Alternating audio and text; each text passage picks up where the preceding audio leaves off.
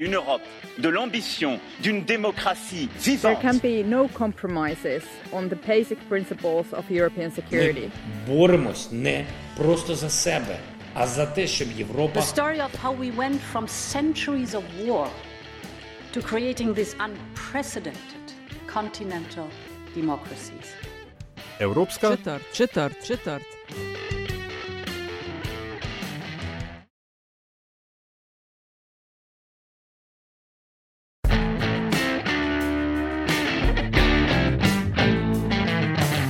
Spoštovane in cenjeni, dobrodošli v podkastu Evropska četrt, podkastu o vsem, kar vas bo zanimalo o Evropski uniji, pa niste vedeli, koga vprašati.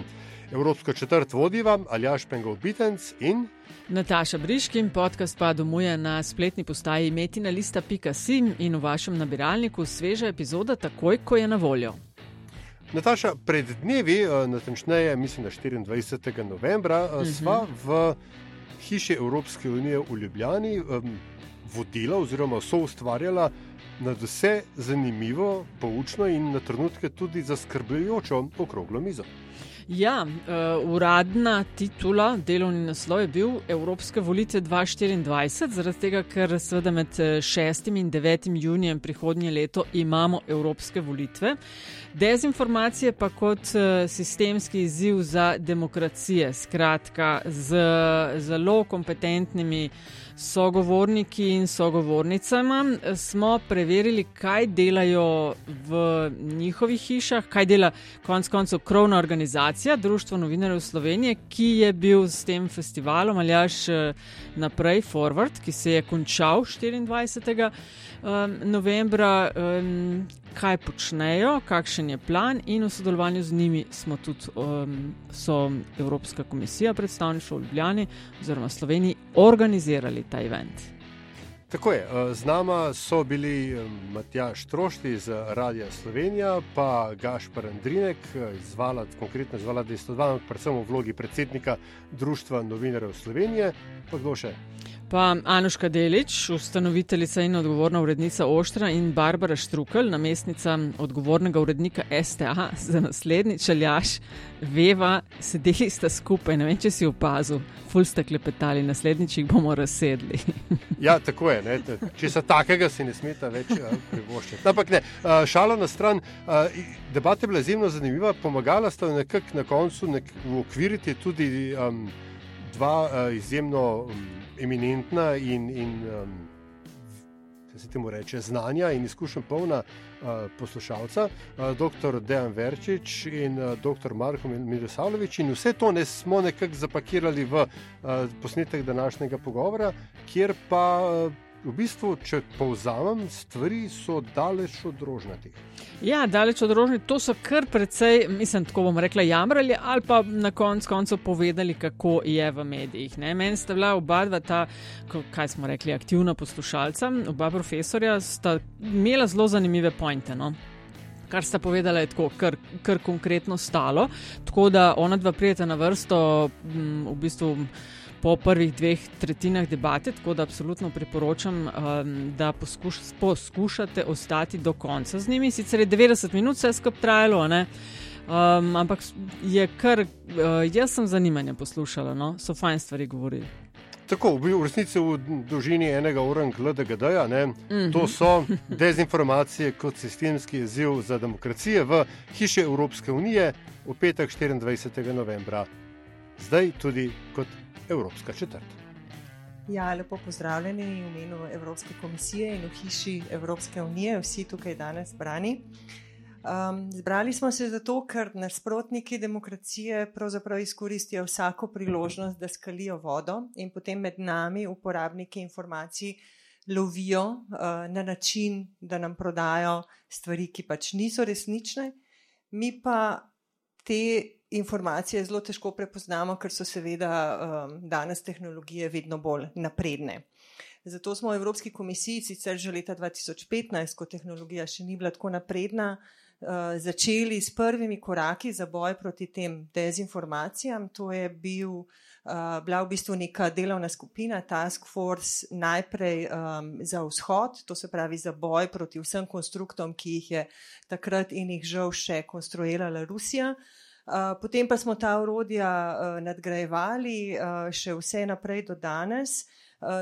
Prav v bistvu z namenom, da vas državljane oziroma vse državljane opolnomočimo, da boste prepoznavali lažje te dezinformacije in pa seveda, da bomo zaščitili ta naš demokratični informacijski prostor, kar se vedno znova pri vsakih volitvah pokaže kot izjemno pomembno.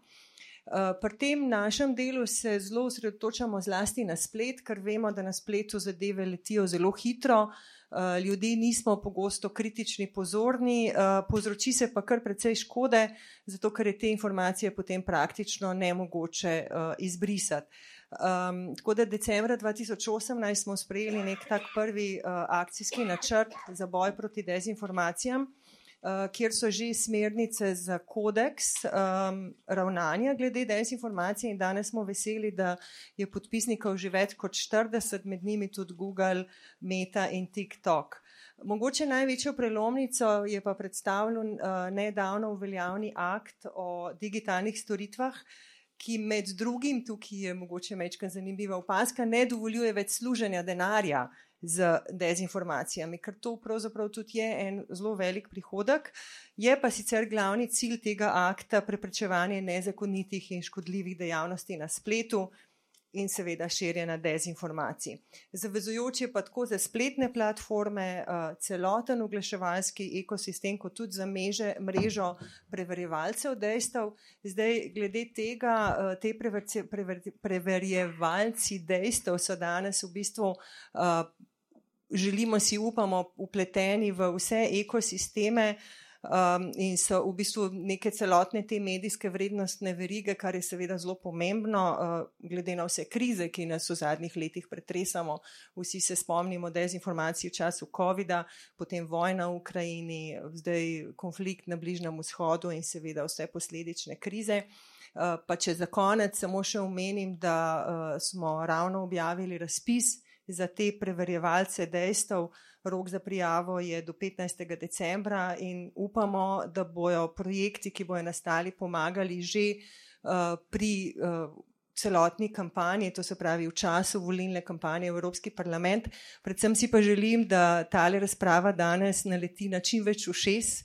Uh, vsem razpravljavcem želim um, uspešno, uspešno ubijanje mitov in pa seveda vsej publiki toplo priporočam, da um, postavljate vprašanja, ste radovedni in predvsem, da postanete kritični uporabniki informacij. Izvolite.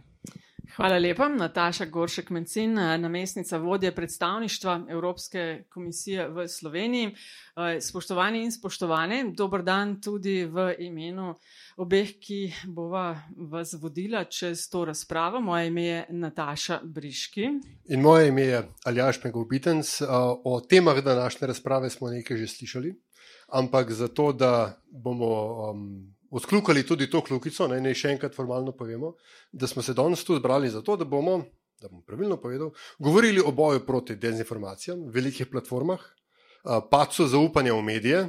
O tem bomo verjetno veliko povedali, in pa seveda vplivu uh, umetne inteligence, te um, porajajoče se nove tehnologije, ki uh, grozi in obeta hkrati. Eh, in seveda o eh, ukrepih, ki jih eh, Evropska unija in njene inštitucije pripravljajo, so jih že uvedle in jih še morda tudi načrtujejo. Kot rečeno, moje ime je Aljaš Pengobitens, njeno ime je Nataša Briški. Nataša, kdo je z nami? Eh, z nami je zelo eh, eminenten seznam slovenskih novinarjev in novinark. Eh, zakaj smo šli tako visoko in na tako pomembne položaje? Zato, ker pač živimo v času, ko informacije zelo hitro krožijo in je težko razbrati, kaj je res in kaj ni, kaj so zavajojoče informacije. In z ljudmi, ki delajo v medijih na dnevni bazi na teh področjih, želimo ne samo seveda identificirati uh, izzive, ampak tudi mogoče, kaj so strategije, ki delujejo.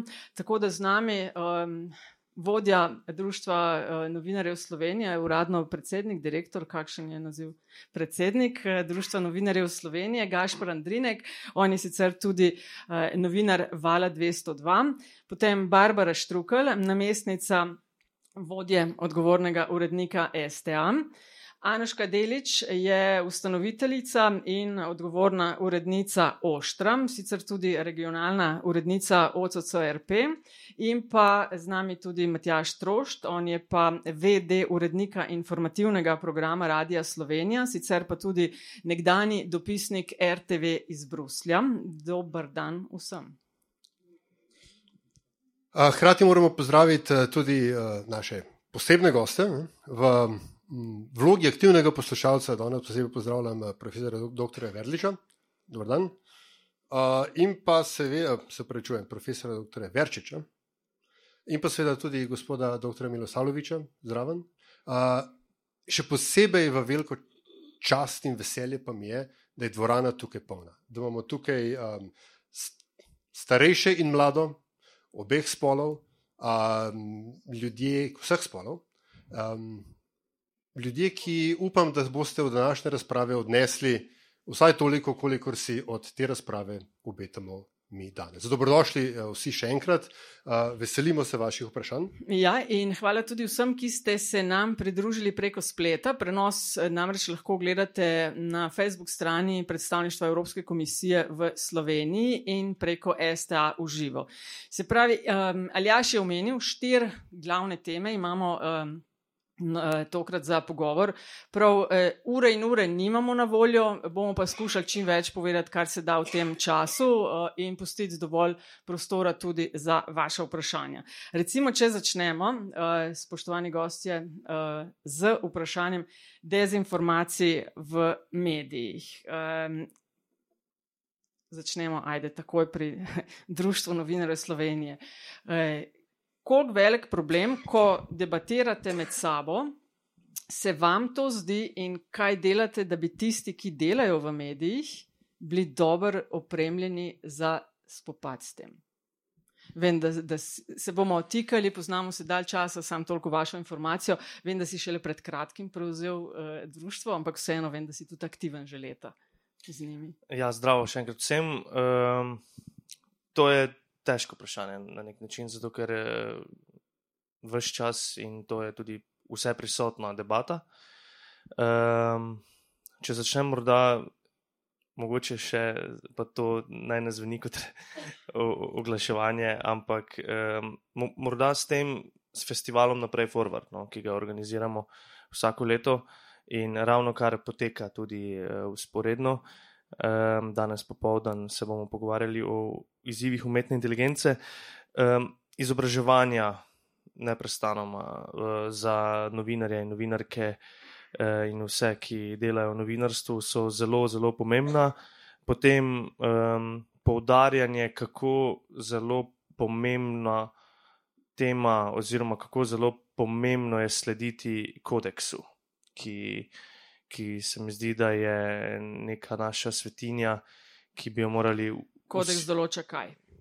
Kodeks določa, etični kodeks določa pravila, na, kako delovati kot novinar. Pravzaprav. Pač kodeks je naša ustava, če temu tako rečem. Pač nekaj, čemu bi morali vsi uh, slediti neprestanoma. In um, to je tisto, kar vedno znova tudi podarjamo. No? Uh, kako zelo pomembno um, je to dezinformacije.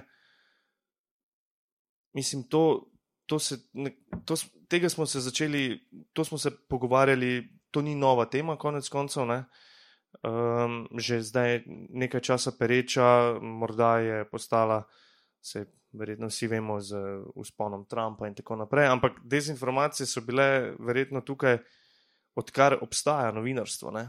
Odkar obstaja novinarstvo, so tudi različni pritiski na, na novinarstvo, da naj poroča v takšni meri, kot si morda kdo drug želi. In na ta način so se tudi pojavljale dezinformacije. Kot sem že rekel, uh, izobraževanja, različne delavnice, uh, vse čas poskušamo nekako tudi debatirati z našimi člani, kot tudi širše z javnostjo, uh, na kak način se temu zoprstavljati. Kaj naj rečem, preverjati vire. Mm. To je tisto nekaj osnovnega, kaj bi si želeli od vseh, ki spremljajo medije. Mm.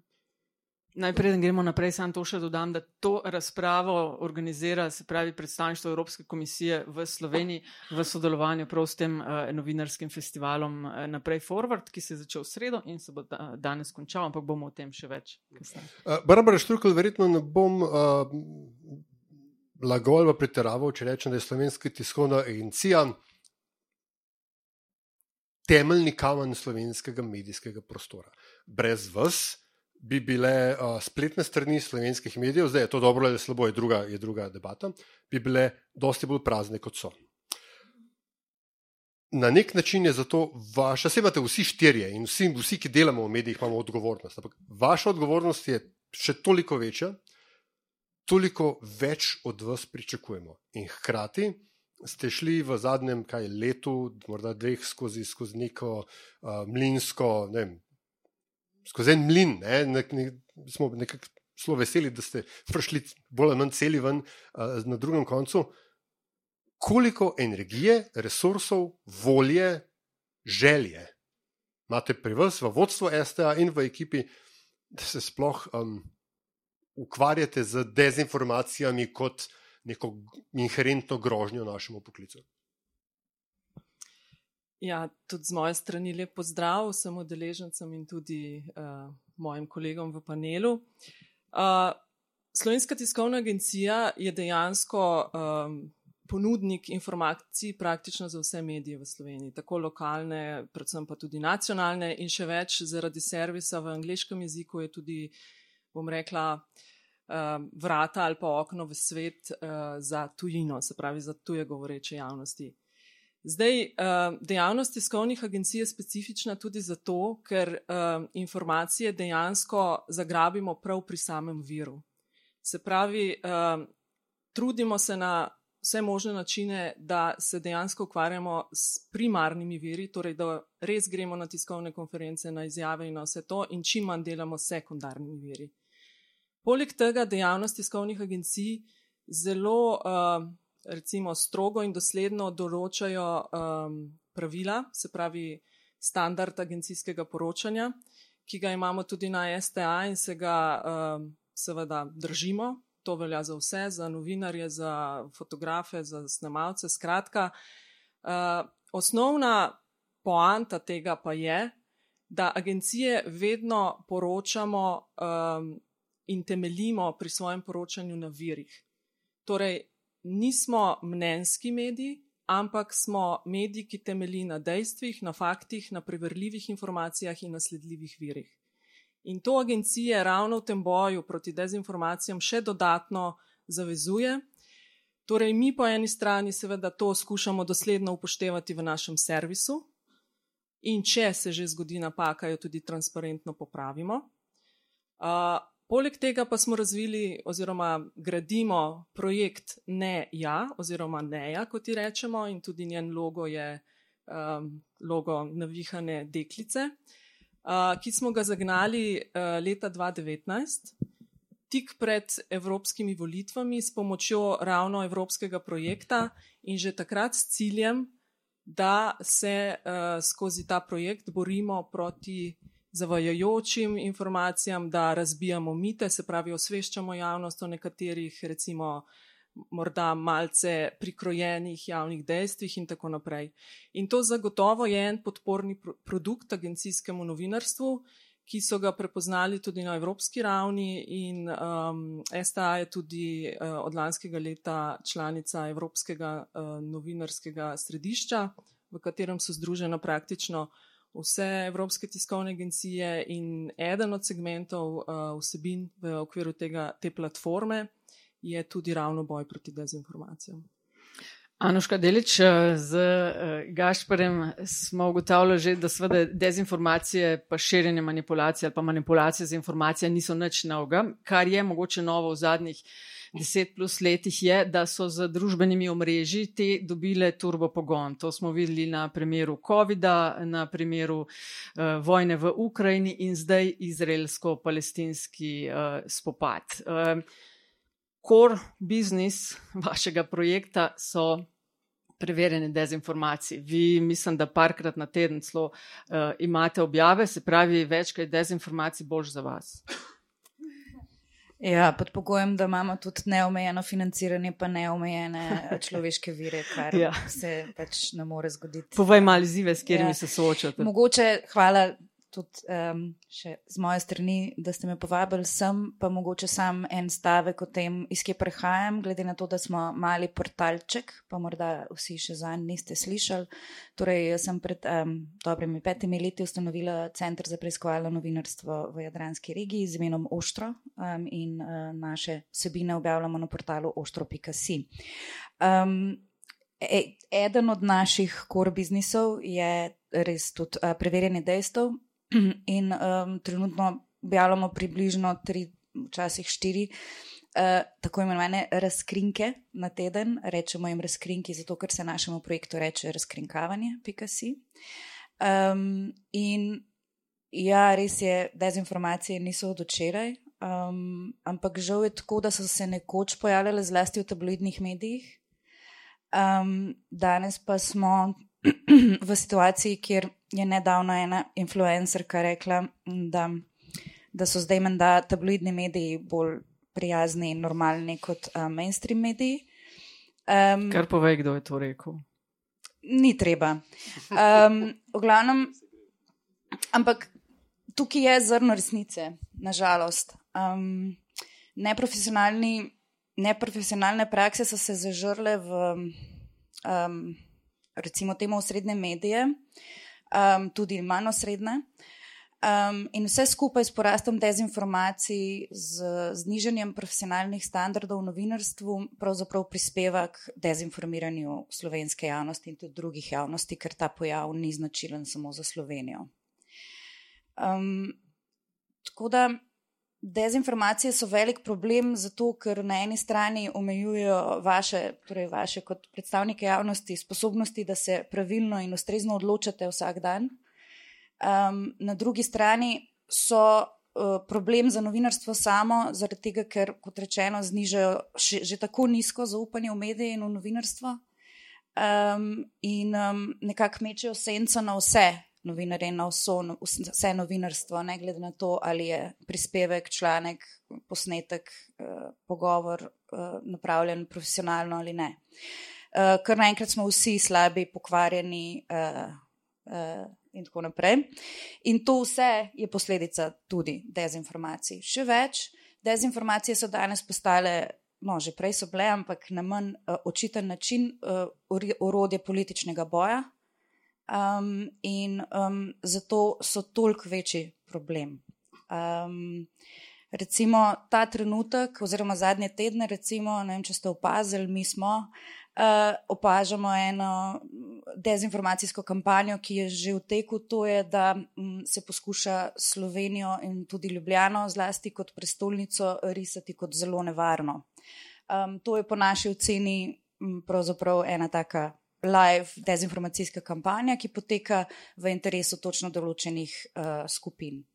Um, in ko se pogovarjamo o dezinformacijah, se po mojem premalo pogovarjamo prav o tem, o tem uh, torej, uh, življenjskem ciklu, recimo, dezinformacij, in veliko premalo o tem, kako se financirajo. Um, vsi imajo seveda neke oglase, mi smo jih na oštro nedavno v preiskovalni zgodbi o o oglaševanju, digitalnem oglaševanju na dezinformacijskih portalih. Tudi uh, pogledali to financiranje in lahko rečem zlasti to, da ta denar, ki ga dobijo od digitalnega oglaševanja, zagotovo ne zadostuje za njihovo produkcijo dezinformacij. Tako da to so recimo stvari, o katerih se bi morali pogovarjati, pa se pa je mal. Um, zdaj to, da mi objavljamo razkrinke vsak teden, je super, nekdo pač mora, uh, ampak to še zdaleč ni dovolj, uh, zaradi tega, ker pač takrat, ko mi to naredimo v skladu z vsemi standardi in mi imamo zelo visoke in zelo rigorozen postopek notranjega preverjanja vseh vsebin, ki grejo ven. Um, pač malo dlje traja, ampak tudi če bi to naredili v enem dnevu, je dezinformacija že zunaj. Um, zato uh, je to eden naših v bistvu, ključnih problemov, da smo tako, kot je nesizif, uh, pač porivamo kroglo, ampak vedno nam pade na glavo.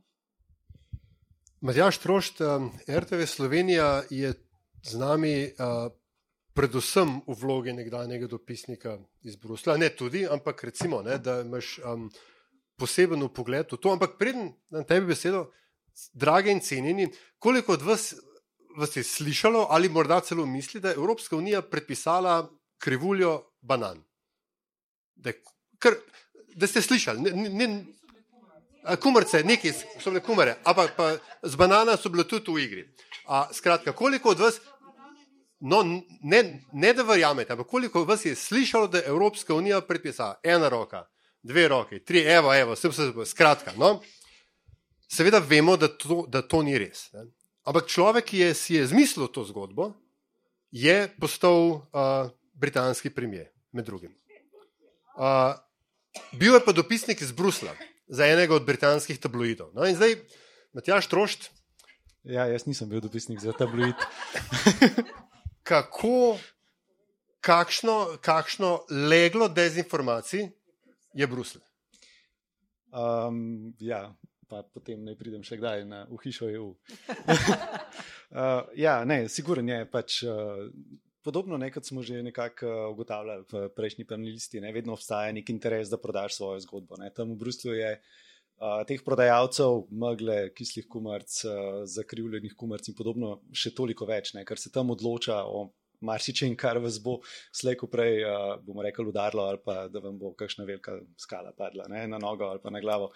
Um, zdaj, večino tega dela, ne, ko, je, ko se pravi, teh stikov z lobisti, ne, ki so nekako najbolj, mogoče najbolj izpostavljeni v teh zgodbah, je nekako zavedenih. Ne. Težava, težava je, ker v teh razmerah, kot so zdaj, ne, mi nimamo samo teh formalnih stikov, ne. mi imamo zdaj veliko teh neformalnih stikov. Ljudi, ki se, ki se dejansko mogoče sploh ne pojavijo v Bruslju, ampak se pač pojavi njihov an, eh, ne vem, njihova spletna stran, njihov, uh, njihov profil na TikToku, na Instagramu. Um, in tam se danes dogajajo te dezinformacije in pa uh, te zgodbice, ki potem, kot je Anuška izpostavila, ne, nastanejo mogoče res pet let nazaj, ampak potem se gradijo uh, in. Nekako nastane nek učinek snežne kepe. Uh, zdaj, v bistvu, mi potem to zaznamo šele ko dejansko ta dezinformacija že postane neko dejstvo, ne? pač dejstvo v navednicah. Ne? Mi imamo, uh, jaz temu, temu rečem, ne, da imamo uh, težave uh, teh malih klubov pri košarki. Ne? Recimo, veliki klubi, klubi pri nogometu ali pa pri košarki dajo veliko denarja za to, da imajo močen napad. Ne? In podobno uh, je v teh zgodbah. Ne? Dezinformacije so zelo močne. Uh, in potem ti potrebuješ uh, pač z manj denarja, ne, neko zelo ustrezno, prilagodljivo obrambo, da ti prepoznaš v bistvu najprej dezinformacijo in da se potem prilagodiš temu delu. Um, in vedno znova uh, nas v bistvu ujame tako kot dar sneg, ne, malce nepripravljeni. Um, se pravi, načini, ki so, so zelo inovativni. Ne. Uh, sej, najbolj smešno je, da včasih eh, ne vem, so hodili od, od hiše do hiše, pa prodajali ne vem, nekaj, kar si lahko v trgovini kupil za približno 30 evrov cenej. Uh, zdaj se to dogaja na spletu in to pod tako hitrostjo in tako sofisticirano, ali pa v končni fazi tako preprosto, da mi to sploh ne prepoznamo. Ne?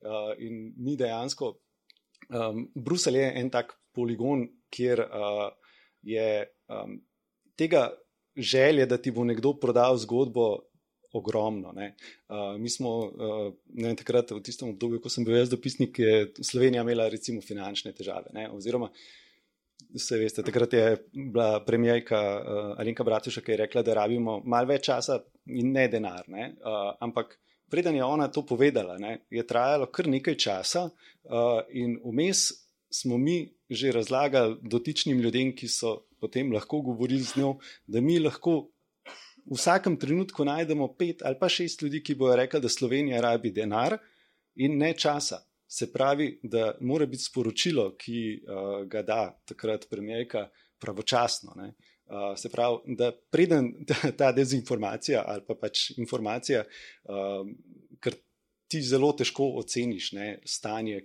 kot je, če uh, v nekem trenutku, pa v parih urah. Ne. To so stvari, ki terjajo kar nekaj časa, sploh, kadar se pogovarjamo o finančnih težavah države.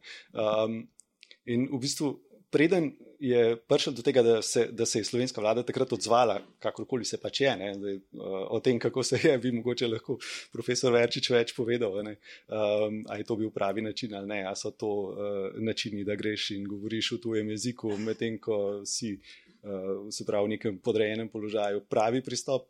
To je seveda uh, vprašanje za vse naše politike, ampak ok, pustimo. Um, no, če zdaj malo skrajšam. Um, to, kar se nam pa zdaj dogaja, uh, je to, da mi v Sloveniji relativno lahko še prepoznamo dezinformacije. Ne? Zelo težko jih pa za tujino. Zato, ker uh, tukaj v Sloveniji vendarle imamo neko mrežo ljudi, novinarjev, uh, virov, ki jih lahko preverimo. Uh, Medtem ko uh, drugje smo pa mogoče mi imamo pa težave. Ne? In tako zdaj, ko mi uh, recimo, zmanjšujemo dopisniške mreže, ko z, uh, ne dajemo več denarja za to, da ljudje, da časniki kot so delo in podobni, nimajo dopisnikov, uh, v bistvu zgubljamo nek nadzor. No? Na nek način. Ne. Se pravi, kot rečeno, postajamo vedno slabšo obrambo, no. ekipa z vedno slabšo obrambo.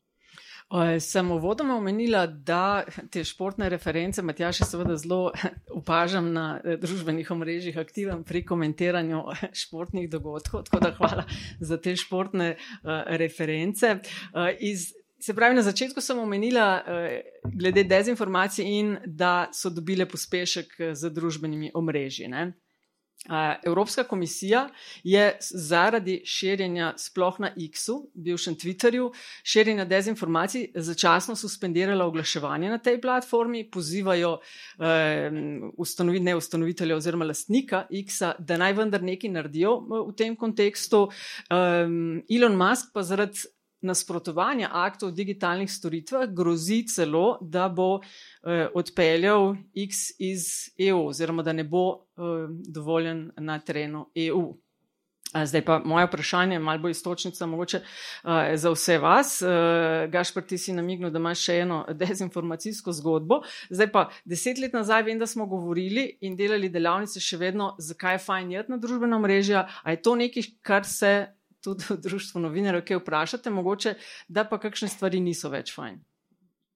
Da je za razmisliti. Definitivno je za razmisliti, če še sploh biti na X oziroma Twitterju.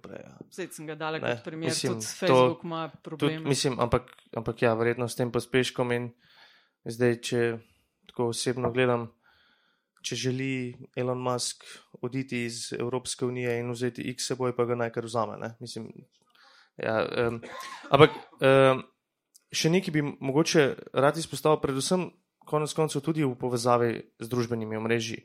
In sicer uh, dogaja se, ne, da to, kar so povedali kolegi in kolegice prej, da so tisti, ki širijo dezinformacije, veliko boljši komunikatorji kot tisti, ki jih želijo preverjati.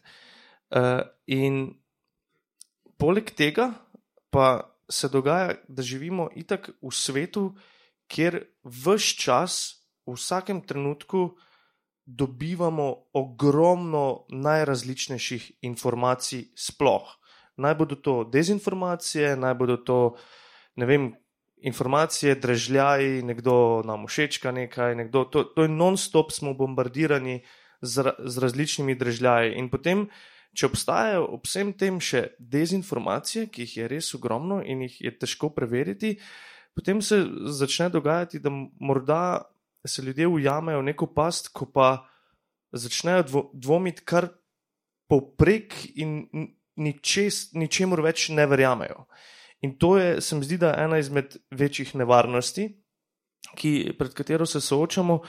Um, bi pa mogoče ja, res izpostavil samo eno kratko zgodbo. Um, pred kratkim, ko sem bil v Litvi eh, in sem delal predvsem temu, kako se Litva sooča z, z grožnjo iz Rusije, takrat, ko je nastopila tudi ukrajinsko-ruski uh, konflikt.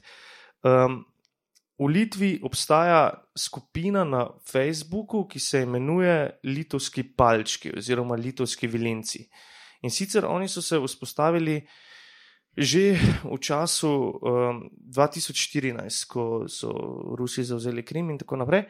Um, in ker so začeli opažati, da se Lit na litovskem Facebooku odpirajo neke Facebook skupine, kot so ne vem. zaščitimo litovskega volka. Čist povsem nedolžne stvari. In potem s časoma ugotovili, ko je pa recimo nastopil COVID, da so te skupine začele širiti anticepilno propagando, dezinformacije, vse poprek. In seveda so potem ugotovili, en zanesenjak obstaja, eh, ki vse čas sledi in primerja vse te profile, je ugotovil, da, da za tem stojijo farme ruskih trolov. Ne? In teh skupin je bilo ogromno, najrazličnejše, od naravovarstvenih do vem, hrana, nekaj, nekaj. No, in potem so se res v, v COVID-nih časih vzpostavila neka mreža teh zanesenjakov, da tako rečem, ljudi, ki jih eh, skrbi za preverjanje informacij, ne novinarjev, ne, ki so se dejansko borili s temi troli na pač v litovskem Facebooku, eh, na teh omrežjih in vse čas preverjali. Vsak komentar, vs, vsako objavo, navajali resnične podatke, eh, pripenjali uradne vire, primarne vire. Te, in to so delali v prostem času, popoldan, ko so prišli službe, ali pa vem, vmes med malico, ko so se štepali. Um, recimo. Uh, en tak fact check Wikipedia projekt, ki Wikipedia. Ja, recimo, ne, recimo. Zdaj, a je to tudi vloga družbe kot take, da, da na nek način preverja tisto, kar prebere vse posod, Po eni strani je to odgovornost teh velikih platform, da kaj naredijo. En, seveda, ne, po eni strani je to, po drugi strani pa seveda tu še vseeno, mislim, da ne moremo novinari in mediji kar tako se oprati neke krivde in odgovornosti. Glejte, preberite, kaj, mislim, pač vi preverite. Ne. Ne, še vedno se mi zdi, da je primarno pa je ta odgovornost na naši strani. Barbara, pojav novih uh, dru, uh, družbenih medijev je uh, novinarstvo tako rekoč postavilo na glavo, ga je nepripravljenega. Ne? Nekaj časa smo bili vsi navdušeni, ni bilo članka, no, razen na STAJ-u, se mi zdi, ki bi um, ne bi vključeval um, slike ali pa ugrajenega tvita, Facebook objave, Instagram. Sploh če bi bil predsednikov Instagram, so se zelo radi to noter dejali. Um, ampak to, kar je Gašpr rekel, ne? v končni fazi se je se zdi, da pa, ko smo se zavedali tega problema dezinformacij in češ, da oh, glej, ne, lažejo nas, kot se reče, menda Mularija reče, ali to reče. Se reče, lažejo nas, ali lažejo nam. No, redo, no, se, mogoče sem pa jaz prestar.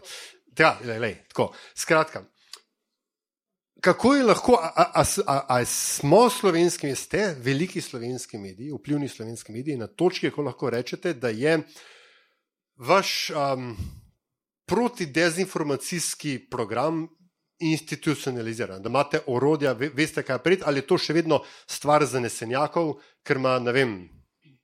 Unle, mlajši dežurni v zunanji danes eh, nima, nima dela, bo pa, bo pa, bo pa gledal, um, kaj, kaj je res in kaj ne. Tako da, mogoče, če ne omenjali si nejo, omenjali si druge stvari, uh, mogoče mečken poveš, kako to pri vas poteka tako praktično. Ja, to je, um, to je vprašanje, ki ga je mogoče tudi Tanoška že naslovila. Ne? Če bi imeli dovolj financ in kadra in vsega. Uh, mislim, jaz lahko govorim za STA. Mi se pač zavedamo, da je to velik problem in da tudi v prihajajočih uh, mesecih, letih bo zagotovo verjetno samo še večji.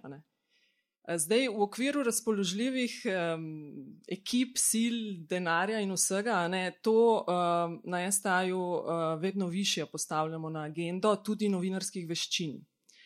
Tako da, poleg uh, agencijskega kodeksa, za katerega sem že omenila, ne, da ima zlata pravila, torej preverjanje virov, uh, skrb za sledljivost, uh, potem navajanje virov, uh, dejstva in tako naprej. Uh, v bistvu smo začeli s kar uh, veliko dinamiko um, ozaveščati novinarje tudi o potrebnih uh, veščinah in znanjih, ki jih morajo imeti za to, da ne niti kot mediji, niti oni kot novinari, seveda ne nasedajo um, tem dezinformacijam. Uh, zdaj, um, imeli smo kar več izobraževanj, seveda pa kot um, agencija ne, tudi ne premoremo dostopa tudi do vseh orodij eh, in tehnologij, ki so na voljo, ne, tako da skušamo to pridobivati tudi v raznih partnerstvih. In tukaj nam uh, to Evropsko novinarsko središče zelo uh, pomaga, oziroma uh, nam nudi določene, določene izobraževalne programe, ki se jih skušamo v čim večji meri udeležiti. Seveda je to večinoma online, zato ker pač ne moramo eh, pošiljati v Bruselj non-stop naših ljudi. Je pa tako, da na področju samega tekstovnega uh, razkrivanja zavajajočih informacij se mi zdi, da smo recimo uh, kot novinari, ki že pri svojem primarnem delu moramo biti, a ne um, pač recimo deloma nezaupljivi do tega, kar, kar slišimo, smo recimo relativno opolnomočeni. Kar se pa tiče ostalih, bolj bom rekla, prefinjenih tehnologij, s tem mislim predvsem na uh, potvorbe na video in na audio segmentu, ne. tukaj pa so res potrebna specifična znanja in, uh, in tukaj na tem nas čaka še veliko dela. Mislim, da ne samo STA, ampak tudi ostale medije. Tako kot je Aljaš že omenil v enem od vprašanj in napovedi, uh, bom šla na konc vrste, namreč da uh, vse uh, dvojno ali pa mal više standarde apliciramo sploh na uh, RTV, tudi na ESTA. Matjaš, vprašanje za te. Vrsto let si bil dopisnik v Bruslju. Um, a je prisotnost hiš kot je RTV? Radio Slovenija, na družbenih omrežjih, na X-u še nekaj, kar absolutno je nujno, je potrebno, ne gre drugače. V ZDA smo recimo imeli primer NPR-a, ki se je umaknil zaradi označevanja, ki si ga je uh, X, uh, s katerim so označili njihov medij in tako dalje. Skratka, ali še ustrajati je še vedno več plusov kot minusov in glede same odgovornosti, medijev in novinarjev na družbenih omrežjih, me zanima tvoje mnenje. No. Um, ker je pač, in pol bomo šli tudi na temo zaupanja v medije, je zaznati, da si včasih eh, kakšni prvoščijo mm, objave, ki mogoče ne pritičejo nekomu v javnem mediju.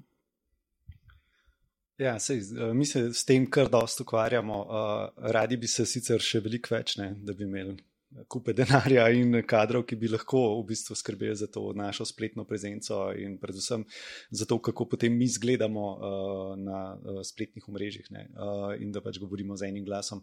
Zdaj, a ustrajati ali ne, jaz, uh, jaz načeloma mislim, da bežati od tega nima smisla, no, ker vendarle je to neka naša.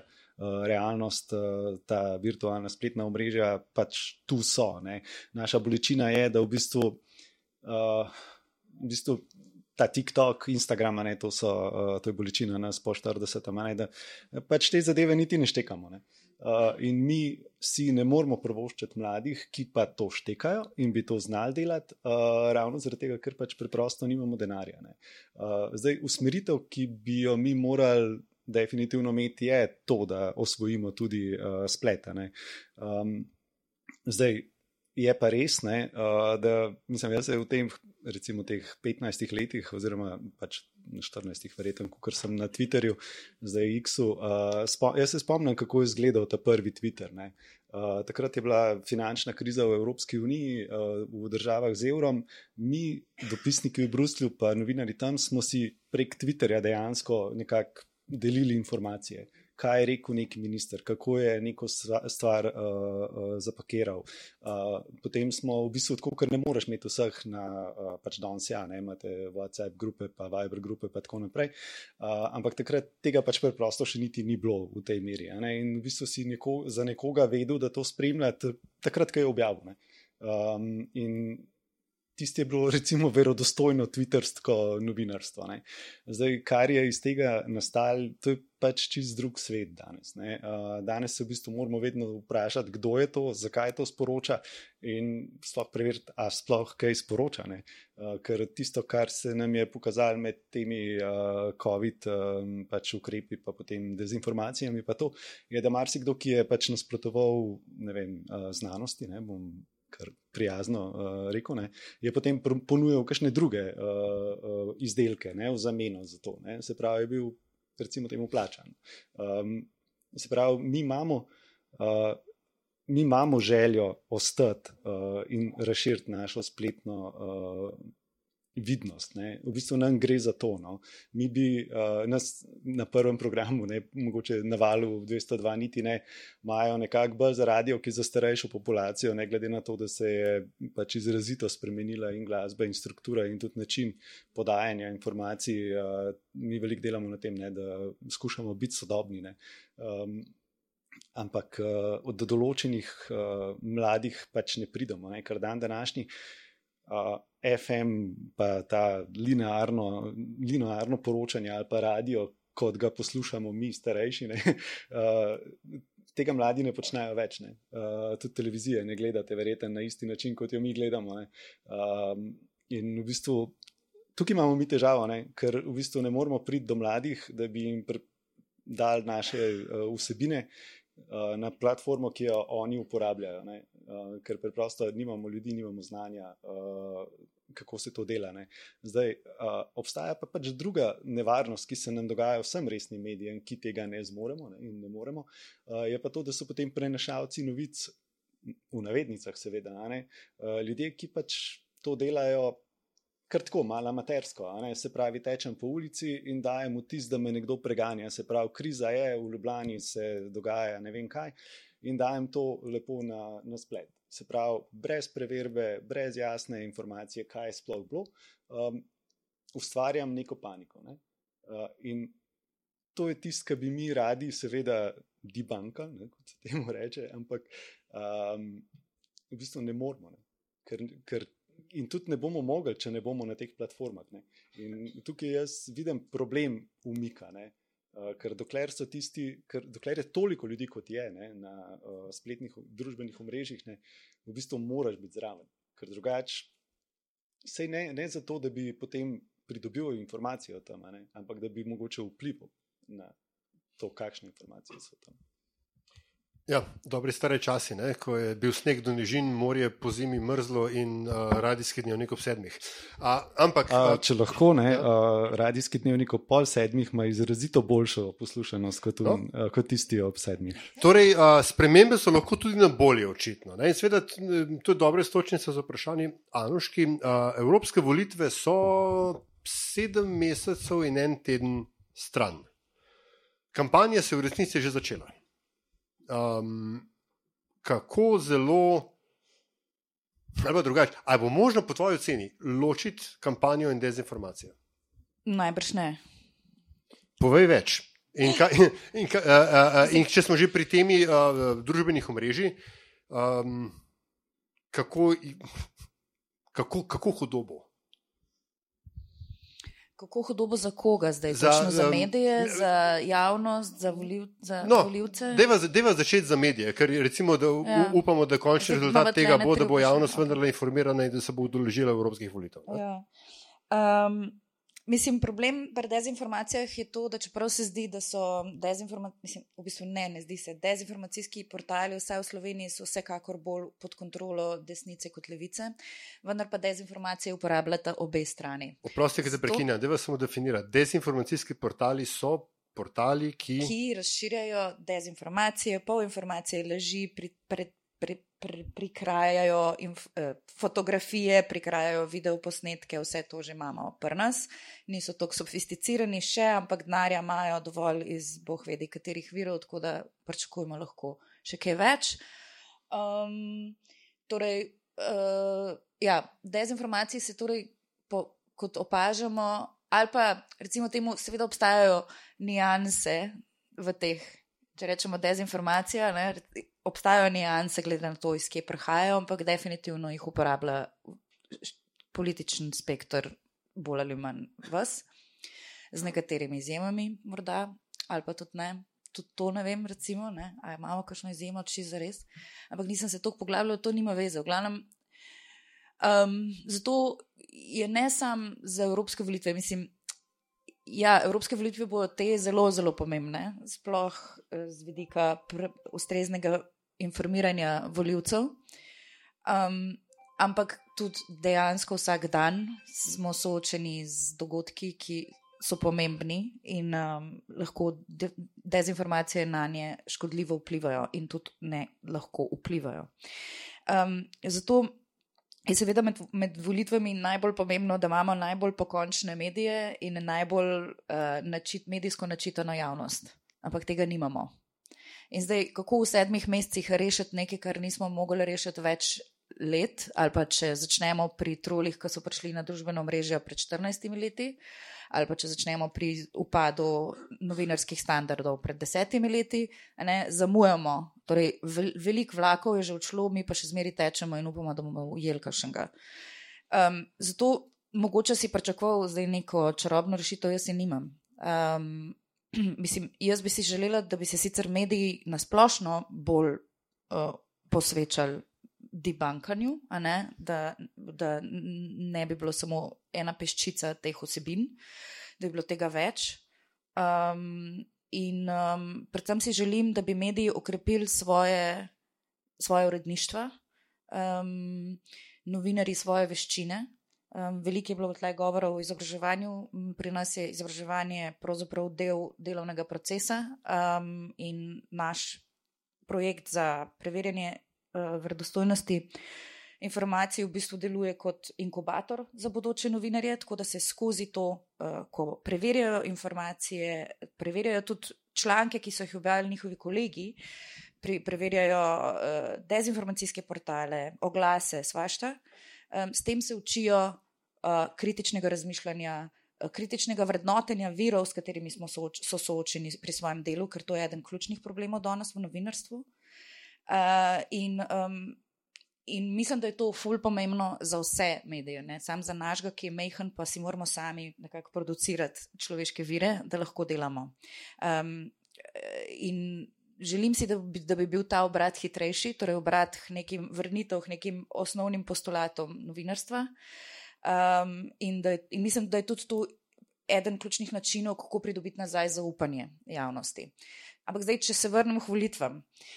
Jaz pričakujem, da bo tle zelo hud boj za interpretacijo, um, in glede na zadnje rezultate volitev na Nizozemskem, in še kje. Uh, mislim, da, da bo, bomo morali biti vsi skupaj zelo, veliko, veliko bolj pozorni na to, odkje prihajajo informacije, kako je ta pre, pre, informacija nekam prišla. Naj gre za informiranje, ne vem, direktno vir novinar ali pa pač povzemanje drugih virov. Zakaj je prišla, kdo je tja dal, zakaj, in itd. itd. Skratka, vse, vsa ta vprašanja, ki jih danes novinari včasih ali ne želijo vprašati, ali pa nimajo časa, ker jih lastniki in uredniki terajo, da izpolnijo kvote.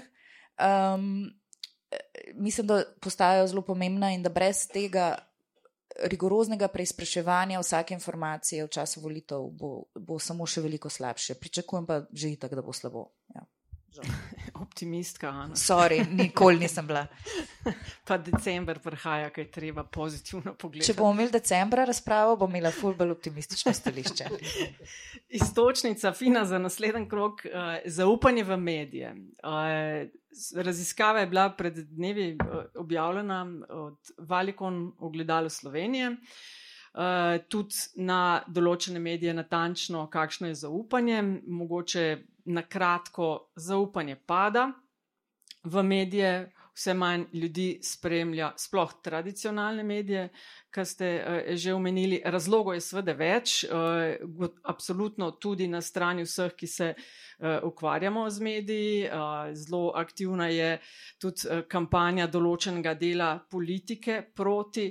Medijem uh, spreminjajo se navade uh, konzumentov, uh, medijskih vsebin. Barbara, kako povrniti zaupanje, oziroma kako ta padec zaupanja v medije otežuje vaše delo? Vi ste v zadnjih letih tudi šli čez zelo uh, naporno kampanjo. Uh, ne vem, kaj slišijo vaši novinari in novinarke na terenu. Ne zaupamo vam več, kaj govorite kaj pišete. Čeprav mogoče da, ok, STA ni tisti medij, ja, kamor ja, gre ja. večina ljudi, po, ampak so pa STA-jeve vsebine v tri četrt vsebin na večini spletnih medijev. Tako, ja. Ja, mogoče samo res pojasnilo. Ne? STA primarno um, seveda svoje vsebine uh, zagotavlja oziroma prodaja drugim medijem, se pravi, ne dostopamo uh, v veliki meri do končnih bralcev in uporabnikov, ampak se to dogaja prek posrednikov, se pravi, teh končnih medijev. Ja, zdaj naši novinari v glavnem slišijo, kako je zdaj pri vas. ne, po tej. Uh, po tej po tem obdobju, temnem obdobju za um, delovanje Slovenske tiskovne agencije. Uh, mislim, mene je zaskrbel tudi podatek iz zadnjega Eurobarometra, ne, da uh, v Sloveniji um, se ljudje informirajo oziroma dostopajo do novic um, prek družbenih omrežij, oziroma da, da je ta kanal že na drugem mestu in da je izjemno zrastel. Ne. In tukaj se pridružujem. Uh, že povedanemu strani Januške, da, da je ta porast družbenih omrežij kot osnovnega vira informacij uh, tudi pred evropskimi volitvami uh, lahko zelo zaskrbljujoč. Ne? Ker um, meni recimo je nekako nedoumljivo, da se nas dejansko meče vse v isti koš, da je zdaj nek Twitteraš oziroma pač uh, ustvarjalec vsebina na družbenih omrežjih enakovreden nekemu mediju, uh, ki deluje, vsaj želimo si, ne po nekih profesionalnih standardih in ima recimo novinarje, ki so usposobljeni za upravljanje tega poklica in ki vedo, um, kako vsebine pripravljati. Ne.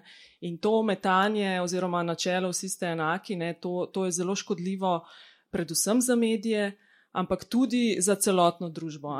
Ker na vse zadnje, jaz mislim, da um, uh, je tu tudi ta uh, beseda ne samo zaupanje, ampak tudi odgovornost. Ne?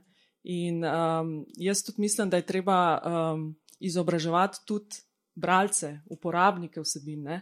ker ni dovolj, da samo novinari uh, znamo, ampak se morajo ljudje tudi nekako naučiti, ko, ko, kaj je verodostojen ver, komu zaupati, se, se naučiti te osnovne medijske pismenosti. Uh, in tukaj se mi zdi, da se tudi premalo v družbi dela, ne? številne države so. Uh, kaj bi rekla, predmet medijskega opismenjevanja že uvedli tudi mm. celo v šole, ne, da se mlade uči. Ne. Jaz se spomnim, jaz sem bila leta 2014 na nekem izobraževanju, kjer so kolegi iz Baltskih republik oziroma državno um, že tedaj opozarjali na ogromen ruski vpliv uh, dezinformacijski uh, v njihovih državah. In že takrat ne, smo poslušali o tem, kako pomembno je, da se že uh, v rosnih letih uh, otroci naučijo prepoznavati, uh, komu zaupati, kako ne, brati novice in se predvsem tudi informirati zanesljivih in kredibilnih verov, torej ne samo prek TikToka in podobnih zadev, kar pa tudi opažam pri svojih. Otroci, da to počnejo. Mm, ampak, če čisto probamo pomesti pred vlastnim pragom, ne mislim kot STA, ampak ja. novinarstvo na splošno, kaj se dela na robe, zakaj pada zaupanje.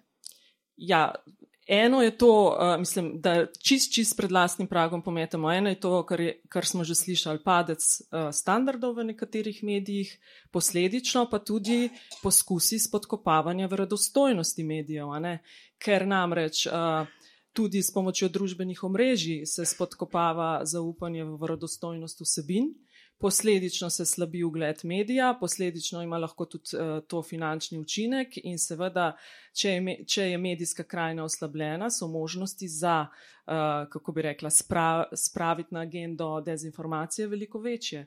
In potem imaš neke, neke vrste začaran krok, ne, ki absolutno ne prispeva k temu, da bi se um, nivo ali pa m, penetracija dezinformacij znižala. Ne. Jaz se absolutno strinjam s tem, to je na prvem mestu, uh, zakaj padec zaupanja. Po drugi strani pa, um, če se ozrem po današnjem občinstvu, ne, um, si predstavljam, upam, da, da vas zanima, o čem se pogovarjamo in da ni to za vas uh, samo uh, latovščina na nek način bruselska, da, da tudi razumete predvsem zdaj tu ciljam na, na, na najmlajše goste danes.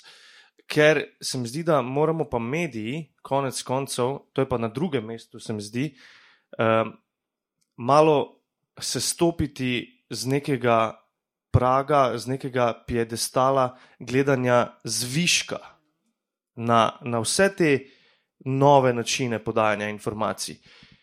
Jaz verjamem, da večina tukaj, ki vas je mlajši, eh, mogoče bolj zaupate nekim vplivnežem na TikToku, na YouTubu, kot pa slovenski tiskovni agenciji. Zdaj, morda celo še niste nikoli bili na spletni strani slovenske tiskovne agencije. Jaz upam, da boste kdaj. Um, ampak vseeno pa se mi zdi, da v Sloveniji, če se osredotočim, še vedno imajo neki tradicionalni mediji, ti največji, še vedno to neko informacijsko in razlagalno moč v svojih rokah in zelo, zelo zamujajo s tem, da bi nekako prišli naproti tudi tem novim tehnologijam. Naj bo to v tisku, naj bo to radio, naj bo to televizija. Uh, vsi vemo, kako se gleda na novo, kako se konzumira novice na novo. In jaz mislim, da, da to je tudi eden izmed teh problemov, ki enostavno se ga bomo morali začeti zavedati veliko, veliko bolj, kot pa se ga. Ne moremo vse čas gledati zviška, oh, na te vplivneže, oh, na te prodajalce megl, neki, neki. Ne, enostavno bomo morali ponujati še boljše vsebine, da bomo boljši, da bomo bolj atraktivni kot pa vsi oni. Zdi se, misija ne mogoče. Jaz nimam tudi ne rešitve, kako se tega dejansko lotiti, ampak moramo poskusiti. No, da. Sej, sej jaz bi sam dodala, no, sej mi definitivno poskušamo, ne, samo uh, ko ti, bom rekla, prideš v polje medija, ne, kjer uh, ti se svojo informacijo, ki je popolnoma korektno plasirana na tem mediju, naletiš na celo vrsto, bom uporabljala Matjažev žargon, proti igravcev, uh, je dejansko težko na vseh frontah držati linijo, ker uh, prav veliko rezerve pa nimaš. Anoška, uh, kanček, kanček optimizma morda tukaj noter. Ne, ker se hoče, poleg vsega tega, kaj, kaj je bilo rečeno, hoče um, dodati ne, še ta čudoviti novi svet umetne inteligence. Uh, uh, ki bo, um, mislim, da se temu reče generative, se pravi, kaj, um, kaj je to slovenski izraz, generativna umetna inteligenca. Uh, kaj, kako, kaj, mislim, a, a, če, če se zavedamo problema družbenih omrežij in efekta, ki ga imajo na oblikovanje javnega mnenja, ali se po tvoje sploh zavedamo potencijala, disruptivnega potencijala umetne inteligence. Mm, pregovorno ob kavi, pa ob peru se folk ful zaveda tega. Mhm. Ne vem pa, kako se dejansko. Ampak najprej imam sam mečken replik za nazaj. Uh, ko govoriš o atraktivnosti, meni se zdi glih to problem. Danes se mediji preveč ukvarjajo s tem, da bodo njihove vsebine atraktivne, kot s tem, kaj so njihove vsebine.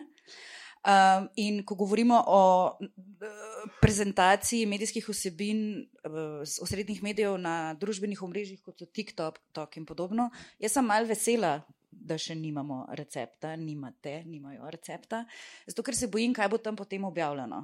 In koliko bo to dejansko prispevalo k boljši ali pa manjši obveščenosti uh, odjemalcev teh družbenih omrežij, ne glede na to, o, o katerem govorimo. um, Za nas je samo še to, za nas je recimo druž, družbena omrežja distribucijski kanal. Mi težko gremo dol z družbenih omrežij. Kar pa je za nas velik problem, in kar smo prej, tudi tukaj imamo mlade, ne smo govorili o mladih, je ravno to. Mi smo, uh, naši novinari, mi imamo veliko študentov, trenutno mislim, da šest uh, ali sedem. Uh, in jih usposabljamo, uh, delajo zelo dobro, zelo se učijo res granularno, uh, profesionalne standarde, uh, ampak na koncu dobijo po glavi, jih napadajo, svinjajo. Uh, se pravi, preden se zaposlijo v prvem mediju, preden uh, sploh zaključijo študij, jih zelo grobo napadajo in so soočeni s tem, da če želijo do, delati dobro novinarstvo, bodo mogli s tem pač nekako pohandlati. Ne? In potem vidijo tudi, da lahko delajo tudi malo slabše novinarstvo in bo isto. Tako da mislim, da imamo tle zelo velik problem v generacijah, tudi ki prihajajo, bo Marko še kaj mogoče pol kaj dodal temu. In zdaj, če pridem pa do AI, torej do uh, umetne inteligence, mislim, kot sem rekla, da se ljudje tega zelo dobro zavedajo, ko se malo pogovarjajo po taksiju, pa pri frizerju, pa tako, ampak da v resnici noben zares. Ne mogoče, da vemo. Ne? Ravno kar spremljamo na OpenAI uh, borbo za boh vidi kaj, ne? v resnici noben ne ve. Uh, um, ampak je pa tako, A, AI, AI v, uh, je zelo, lahko, lahko tudi zelo koristen za novinarstvo. Um, mi že uporabljamo določene orodja, ki, ki nam lahko pomagajo pri tem, um, ki se bazirajo na chat-GPT-ju. Um, tako da za novinarstvo v tem pogledu je lahko tudi delno koristen, ker nam lahko olajša recimo obdelavo številnih dokumentov, itd., itd., bra, pregledovanje PDF-ov z velik stranmi in podobno, take čist tehnične uporabne stvari. Vendar pa no, v splošnem seveda predstavlja v kombinaciji z vsem, kar smo danes že povedali, ne sam še nadgradnjo grožnje javni demokratični razpravi. In um, mislim, da dokler se, mislim, da je treba, da je tle potreben še toliko bolj multidisciplinaren pristop in da sploh se mi zdi, da bi pri nas lahko več sodelovali hekerji pa akademiki, pa mi praktiki. Spet Marko bo več povedal, ker se ukvarja s tem. Um, uh, saj jaz z, naš, z našega recimo, vidika vidim, da bi lahko, da je tle še full prostora no, za sodelovanje. Um, in nimam pa spet, sorry, nobenega praktičnega nasveta drugega, kot pač karkoli pride pred vas, ljudje, dajte pogledati, odkje je prišlo, zakaj je prišlo, kdo je ta oseba. Um, ne vem pa, kako bo recimo povprečni državljan, državljanka ravnal, ko bo, do, uh, pač, ko bo treba ločiti med uh, umetno prikrojenimi fotografijami, videi uh, in temi, ki jih je pač posnel nekdo, resnična oseba. Tako da vem, zelo, zelo mm, nimam optimističnega. Ja, se to je tako, nekaj več, ki veš o kakšni stvari, manj imaš iluzij. Matjaš, tista raziskava, ki sem jo omenjala v gledalu Slovenije, na tiste je bilo, ko so imeli določene medije, pravzaprav Radio Slovenija bil eh, med njimi najviše, tudi raziskave uh, ene druge kažejo, da je uh, sploh po COVID-u in tako porazbil zaupanja v te uh, tradicionalne medije, kjer je ta uredniški postopek vse en mal drugačen kot pri kakšnemu uh, vplivnežu ali vplivnici. Uh, maja bomo praznovali 20 let članstva v EU. Od 6. do 9. junija so evropske volitve. Radio je tradicionalno tisti, ki največ, najbolj obsežno in najkompleksnejše stvari predstavlja, dela posebne vdaje. Kaj vas najbolj skrbi? Kaj nas najbolj skrbi? Od uh, dezinformacij do UI. Uh, ja, mislim, če lahko še uh, samo en follow-up na Anuško, no, ker v bistvu um, Ja, ene volitve uh, z umetno inteligenco so, so se nam ravno kar zgodile ne, v Argentini in tam je recimo uh, tak, ki je zmagal, je s pomočjo umetne inteligence ustvarjal uh, video zapise, kako se njegov protikandidat drogira. Ne. Recimo risal ga je kot nekega mislim, da socialističnega uh, vladarja, uh, sebe kot nekega superheroja. In, in to so bili dejansko deepfake videi in je dejansko je zmagal. Ja. Uh, se pravi, to, so, to nekako v svetu analitikov zdaj rečemo, da, že, da so bile prve uh, volitve z umetno inteligenco. Uh, zdaj jaz sicer uh, ne vem. Ja, Trump, mislim, to, to naslednje leto, ko so ameriške volitve spet to novo polje uh, poskusov in vsega tistega, česar ne, ne vemo, še da ne vemo. No? um, zdaj sicer jaz ne vem, o čem se pogovarjamo pri frizerju, ker pač tja ne hodim. Ne? Um, ampak lahko pa rečem, da nas to zelo intrigira in če se navežem na Natašo. Ja, tudi to ne. Um, če se navežem na Natašo, uh, ja, uh, nam to kar godi, no, to ogledalo. Uh, zdaj, že vse čas od uh, COVID-a dalje, ne, ko se je nekako povečalo zaupanje v to, kar počnemo. Tudi dvigalna se nam je poslušanost takrat, ko je pač COVID bil, je pa res, da ste bili doma zaprti, tako da hvala, ker ste pač dal na val in na prvi. Um, zdaj, kar se nam dogaja, je, da v bistvu mi približen vemo, kako se bomo lotili teh uh, volitev. Zdaj, uh, težavo imamo seveda v tem, v tem kako se pač vas vseh dotakniti, uh, kako pride do vas. Uh, in to je točno ta stvar, s katero se ukvarjamo. Mi bi seveda radi, mislim, mi to pač delamo na nek način s podcasti, se pravi, da neka zadeva, ki jo naredimo, potem tudi ostane na spletu, jo potem uh, nekako uh, spodbujamo njeno poslušanje prek raznih uh, družbenih omrežij, Facebook, uh, Twitter, uh, Instagram in tako naprej. Uh, zdaj, kako pa lahko se mi soočimo z umetno inteligenco in pa z dezinformacijami, uh, od drugot pa jih debankamo. Mi smo pač kadrovsko in finančno šipki. Uh, in ne boste verjeli, to je podobno kot vsi mediji. Ne, uh, ker ne bo lepo. Da. Nas je sedem, pa šest študentov. Okay. Tako da, da se, sigurno imate notranje rezerve, ki se jih da doizobraziti. Uh, mi smo na zadnjih, mislim, da evropskih volitvah delali fact check. Um, zadeva, zadeva je kar dobro izpadla v nekaterih delih, imeli smo pač posebne oddaje, delali smo, okay, taj, oziroma ko so, bile, ko so bila uh, soočanja ne, uh, pred volitvami. Uh, smo šli po sledi kakšnih trditev, ampak to terja toliko časa, da tistega človeka, ki ga daš uh, v to. Ja, mi imamo 24-urni uh, program ne, in mi v bistvu zelo težko si privoščimo še to, da bomo, da bomo res delali tudi fact check. Mi bi ga z veseljem delali. Mi vemo, da je to stvar, ki, uh, ki je nujna za neko normalno odločanje v demokratičnih družbah. Morate vi, mi in vsi mi moramo vedeti, o čem sploh razmišljamo. Zdaj, če nam nekdo prodaja zakrivljene kumarce, mi moramo biti v poziciji, da rečemo, da to, to sploh ne obstaja. Ne? Uh, ali pa ne vem, če nam nekdo, uh, tako kot je bilo nedavno, ko je bila ta uh, fascinacija, uh, da bo WHO, se pravi Svetovna zdravstvena organizacija, prevzela nadzor nad vsem in vsakomur, uh, se bo, če se bo zgodila nova epidemija. Mislim, to je bilo noro. To so meni ljudje, ko sem šel na tekmo od nogometa, so mi razlagali, da se bo to zgodilo. Ne. In, in največje moje vprašanje je bilo, okay, odkot pa to? Ja, pa se to je dokument Evropske unije. Ja, in potem, ko pridemo mi uh, do tega, da je to mogoče bilo neko uh, poslansko vprašanje nekega bi, bi, bi, uh, poslanca, ki ga je poslal na komisijo in je zdaj v registru vprašanj in ima tam en footnote zraven, da je to pač nastalo v Strasburu ali pa Bruslju in temu rečemo, da je to zdaj neko stališče Evropske unije. To je točno to, proti čemu se mi moramo boriti. Ne? Se pravi, proti tem dezinformacijam. Ampak tega je to, da preprosto ti ne moreš tega delati z ljudmi. Ne? In tukaj je pa spet možna varijanta, ne? da gremo pač v neko uporabo pametno uh, umetne uh, inteligence, pa podobnih sam tudi tam nimaš nadzora. Če, ker če ti tega nisi naredil, pol, tudi ne veš, kaj noter je. Ne? Še vsak tako, prosti, Janoška, še vsak tako dolg stavek potrebuje piko. Da mi sam en stavek še. Pol.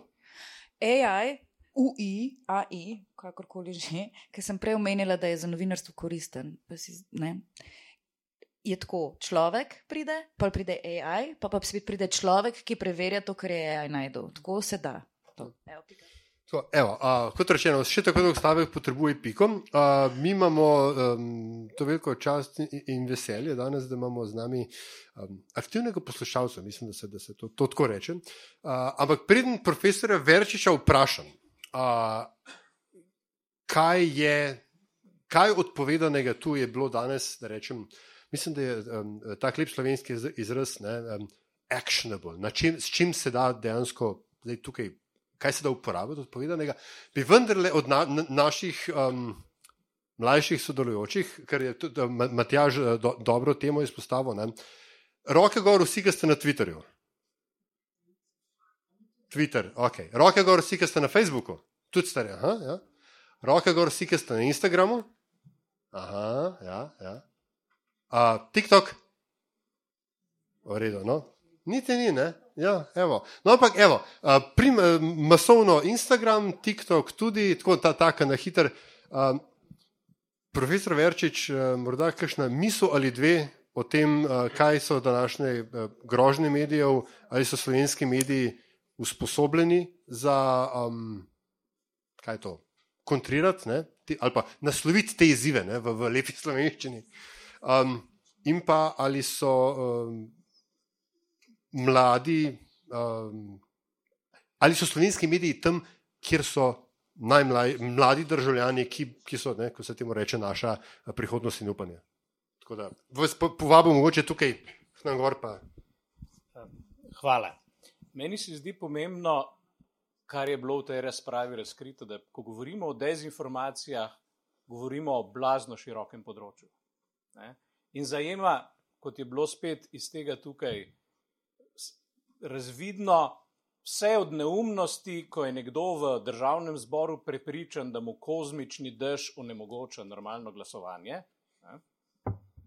do nekih popolnoma bolj pomembnih in bolj usodnih zadev. Meni se zdi pomembno, da ločimo med temi neumnostmi, ne, ki krožijo v družbi, med nekimi uh, prikrojenimi informacijami, ki imajo nek skoraj da še legitimen uh, prostor spopadanja različnih političnih subjektov, pa tako naprej. Od tega, kar bi jaz imenoval resno strateško dezinformiranje. In ko govorimo o dezinformacijah, Mi v Sloveniji pravzaprav zelo malo govorimo o teh stvarih, iz zgodovinskih razlogov, verjetno. Da poenostavim, to ni nič novega. Včasih se je temu reklo propaganda. Ne? In na Zahodu so s tem pač seznanjeni iz preprostega razloga, ker med hladno vojno so se pač borili proti ruski propagandi. Ne?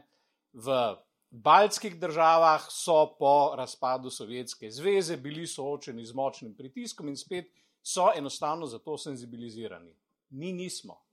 To je zelo pomembno razumeti. V Sloveniji na to nismo niti najmanj senzibilizirani. Pa vam bom dal zelo preprosto zgodbo. Jaz sem bil v zadnjih štirih letih na treh mestih, ki se z nami ukvarjajo, pa mi o njih skoraj da nič ne vemo. Bil sem na Šangaj, International Studies University, ki je ena izmed dveh kitajskih univerz, ki jo je komunistična partija Kitajske izbrala za to, da razvijajo to, kar oni imenujejo javna diplomacija. Gre pa točno za to isto zgodbo v resnici. Ne? In mi si ne predstavljamo, kolikšna količina ljudi, denarja in znanja se tam ukvarja z vprašanjem, komunikacijskega uveljavljanja kitajskih interesov v svetu. Zdaj, oni so tukaj, koliko smo pač mi njim zanimivi. Pustimo zdaj to. Potem sem bil povabljen na diplomatsko akademijo ruskega zunanjega ministrstva, kjer sem spoznal med drugim enega ruskega profesorja strateškega komuniciranja, ki velja za enega izmed njihovih najpomembnejših ljudi, ki sem ga kasneje srečeval tudi v Ljubljani in ki vem, da je v Ljubljani imel delavnice na veleposlaništvu, ruskem, tukaj.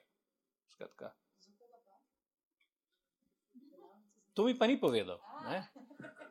Vem pa, da je ena izmed njegovih doktorskih študentk obravnavala tudi Slovenijo na tem področju. Kar pomeni, tu smo že bližje, tu imam celo občutek, kako zadeve delujejo, in za Rusijo bi se dalo celo locirati nekaj točk v Sloveniji, ki organizirano uveljavljajo ruske poglede, recimo zdaj v primeru uh, rusko-ukrajinske vojne. Ne? In tretji primer, potem sem bil pa v Istanbulu, kjer je urad predsednika Erdogana organiziral nekaj, kar se imenuje Strateški komunikacijski forum, na katerega je prišlo nekaj sto ljudi, domačih so pripeljali vse, morate razumeti, njegov urad za komuniciranje zaposluje nekaj sto ljudi, že sam po sebi. To, to je mašinerija, ki je večja od marsičesa pri nas. In ljudi iz celega sveta, ki so se tam ukvarjali z vprašanjem, kaj danes to je, kako se to dela, oni so se pa pravzaprav tam usposabljali za to, da to za Turčijo počnejo. Kaj hočem povedati? Vsaj tri vele sile sem z mojimi lastnimi očmi, da tako rečem, ne, videl, kako se pripravljajo za to, kar počnejo pri nas. Zdaj pa z naše strani smo pa mi popolnoma bosi. Pri nas se pa praktično nihče s tem ne ukvarja, razen obstaja ena mičkena skupinica kolikor jaz vem, na slovenski vojski za strateško komuniciranje, ker je NATO zahteval v bistvu in so ne, nekaj ustanovili na zunanje ministrstvo, nekaj malega poskuša, ampak v resnici mi teh resnih udarov, udarov zdaj na rekovajih, sploh ne zaznavamo, jih ne osvestimo več. In tukaj se mi zdi ena pomembna zadeva, ki, ki bo mogoče kot kontroverzna, ampak jo mislim popolnoma resno. Medijski sistem družbe je živčni sistem družbe. Družba ve, kaj se dogaja skozi medije. Tako kot mi vemo z delovanjem našega živčnega sistema. Če mi tega živčnega sistema nimamo razvitega in zdravega, recimo rezanje dopisniške mreže, je klasičen tak primer, ne? potem to pač pomeni, da jaz nečesa ne morem zaznavati, ampak mi mora nekdo drug to povedati. Ne? In jaz to dobim iz druge roke. Ampak poanta tukaj moja je naslednja. Jaz trdim, upam si trditi, da je uh, strateško podhranjevanje slovenskega medijskega sistema, ki je proizvedlo atrofijo, bodimo si jasni, tu ni problem, so neki problemi, niso problemi. Jaz si trdim, da je to strate, del tudi strateškega delovanja, tudi dezinformacijskega delovanja in to vele sil tujih, ki vodi v zniževanje zaupanja v medije in novinarje, ker je to njihov interes. Ne?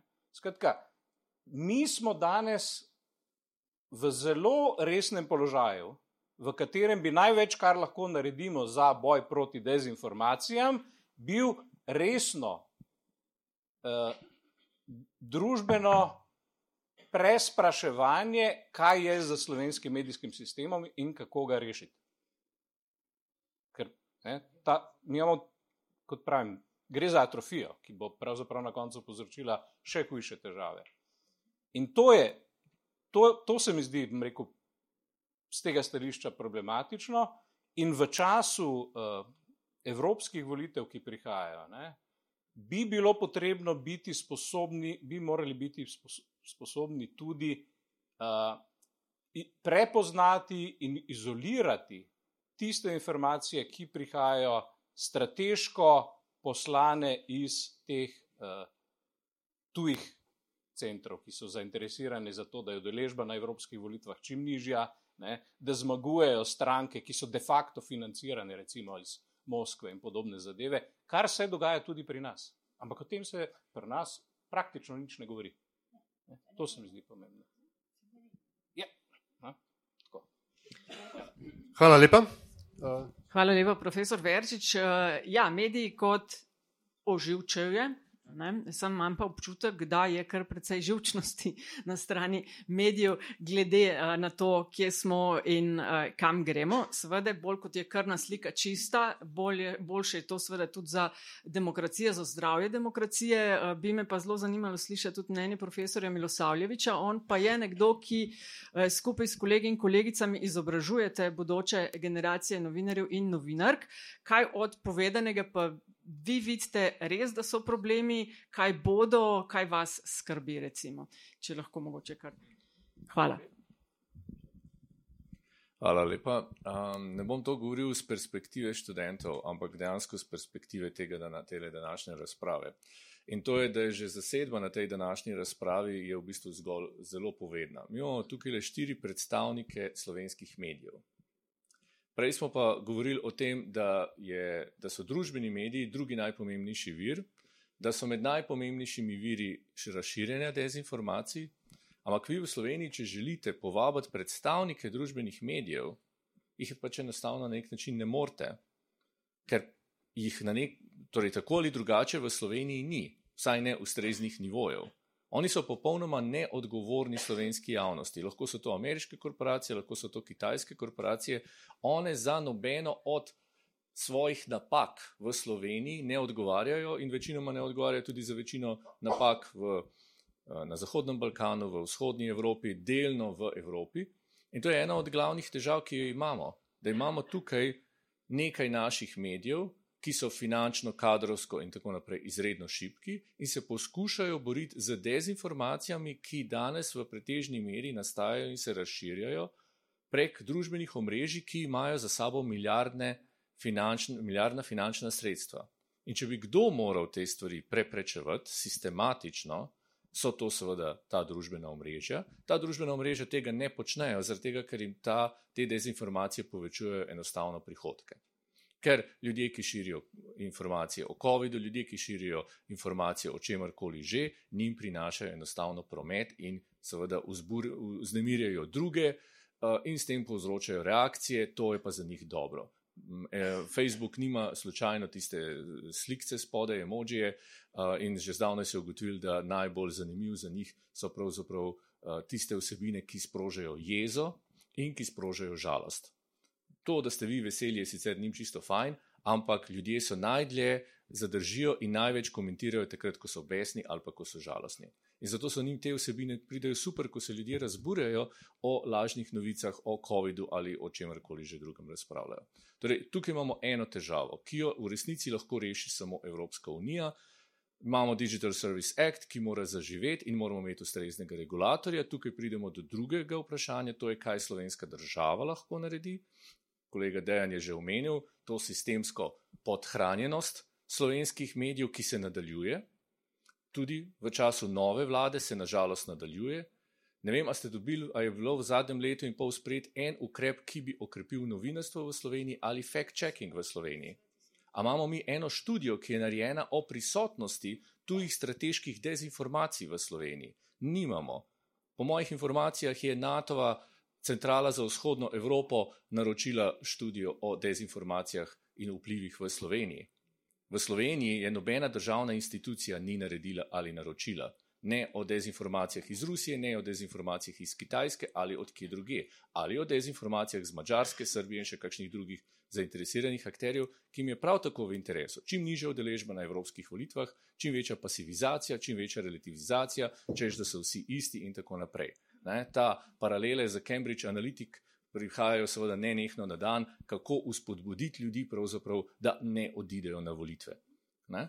In skratka, država ni na tem področju naredila nič v zadnjem času, v prejšnjem času, v prejšnjem mandate je v resnici aktivno ukrepala, da tako rečem, zato, da bi mediji čim bolj propadli, zato ker jih je dojemala podobno kot Donald Trump, kot neko uh, gnilo, ne vem kar koli že, področje, ki ga je treba v resnici uničiti in se naslajati ob njegovem propadanju. Torej, ena od nastopov takratnega predsednika vlade uh, je govoril tudi o tem, da se je z vsakim dnem treba veseliti, tega, ker so naklade slovenskih medijev vedno bolj nizke, družbeni mediji pa so vedno bolj popularni in s tem bo zaton slovenskih medijev torej, povzročil konec te grozne ne, eh, ne vem, kakšne že eh, teh eh, stricev iz ozadja in iz Murgala in iz kjerkoli že stanujejo, ne vem, kje stanujejo. Mislim, da so malo bliže tem palčkom iz Estonije ali iz kjerkoli že, v smislu lokacije, da so neki namišljeni liki, ampak v redu. Ne. Nič se ni pomagalo medijem v času treh letih COVID-a, nasprotno, torej mi smo bili ena redkih držav v Evropski uniji, ki ni nič pomagala nobenemu mediju, Državne institucije so zaustavile mnoge tudi oglaševalske stvari, ko bi morale pospešiti, velika državna podjetja, velika z državo povezana podjetja bi takrat morala povečati v resnici oglaševalske kampanje za uspodbudo medijev, ki so imeli težave.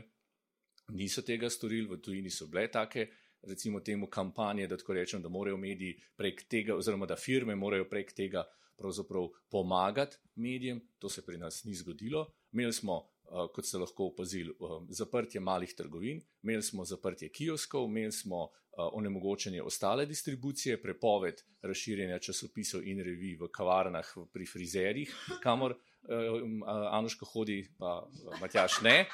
Uh, skratka, vse se je naredilo, da se ja, te mediji ne bi prišli v resnici do ljudi. Ne, in zdaj, po vseh teh petih letih izčrpavanja, treh letih prej, pa zdaj še v resnici leta, pa pol, ko se ni nič zgodilo, ker jaz ne vem, ne, Anoška, vem, da je dobila ravno kar eno um, donacijo ene tuje institucije, recimo. Ne, um, jaz ne vem, ali imamo v Sloveniji kakšne to vrstne stvari. Podmislimo sklad za pluralizacijo, ki deli resnično drobiš. Mi smo se pred več kot petimi leti na parlamentarnem odboru za kulturo razpravljali o tem, zakaj se ne uvede v Sloveniji tako imenovani tech tax, torej tehnološki davek, kjer bi denar od platform moral se stekati tudi v slovensko gospodarstvo in v slovenske medije. Imeli smo fake news. pred letom pa pol v času kampanje je eden minister trdil, da je podpisal pismo o nameri z Googlom, da bo Google dal 2 milijona evrov uh, za, v, v nek slovenski razvoj. Ni, ne obstaja. V tistem pismu o nameri, ki so ga podpisali, nič o tem, da bo Google karkoli dal in tudi seveda ni dal. Ne? Ampak volitve so šle mimo in je bilo pač vseeno.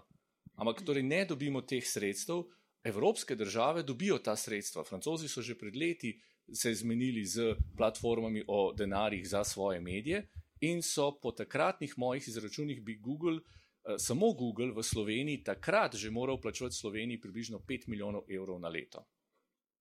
Ne? Celoten sklad za medijsko pluralnost je pa 2 do 3 milijone evrov. Ne? In tega ne naredimo, in potem imamo ja, sistemsko nekako to izčrpavanje medijev, kjer Ne, urednik javnega radia reče, da oni ne morejo se iti fact-checkinga. Pa če kdo, potem bi se moral javni radio, pa javna televizija iti fact-checking. Ker če je kdo relativno velika institucija v tej državi, je to javni radio in javna televizija. Ne, ne more se to iti one-man bandi ali pa two-man bandi ali pa seven-man bandi. Ne morejo se iti, ne, ne morejo se oni boriti proti ruski strateški kampanji, kitajski strateški kampanji, mačarski strateški kampanji ali pa uh, turški strateški kampanji ali pa iti proti uh, lažnim novicam, ki so na Google, um, še vedno pa bi jih lahko zbrisali, ki so na Facebooku, pa bi lahko. In torej v luči prihajajočih evropskih volitev se nam ne obeta nič dobrega. Jaz pričakujem, da bo v bistvu eksplozija fake news in deep fake se zgodila in da se bo zgodila še najhujše, kar pa bo zgodilo se bo v zadnjem tednu, ko bo tudi za možnost zanikanja pravzaprav zmanjkalo časa. Ko ne boste mogli ugotoviti, da je ta posnetek v slogu Argentine, v resnici deepfake, ko ne boste mogli uspeti pravočasno zanikati, da je nek dokument, za katerega nekdo trdi, da ga je podpisal ta ali oni, da je v resnici lažen, posledice bomo pa občutili potem kar nekaj časa. Hvala lepa. Hvala lepa, dr. Milosavljevič. Um, spoštovane gostje, spoštovani gosti, uh, nekaj minut še imamo. Uh, jaz vam, uh, predvsem naše mlade goste, se upravičujem, sem um, um, gosp, mladim po srcu, je, ja, hvala, um, ker bi mogoče vendarle vas um,